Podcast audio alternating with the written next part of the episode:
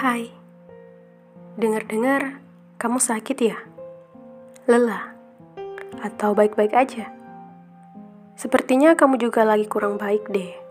Buktinya kepalamu pening, matamu sembab, dan bibirmu pecah-pecah. Itu gejala apa ya? Ya udah, kalau capek, bilang, jangan dipaksa. Kasihan, tubuhmu butuh istirahat.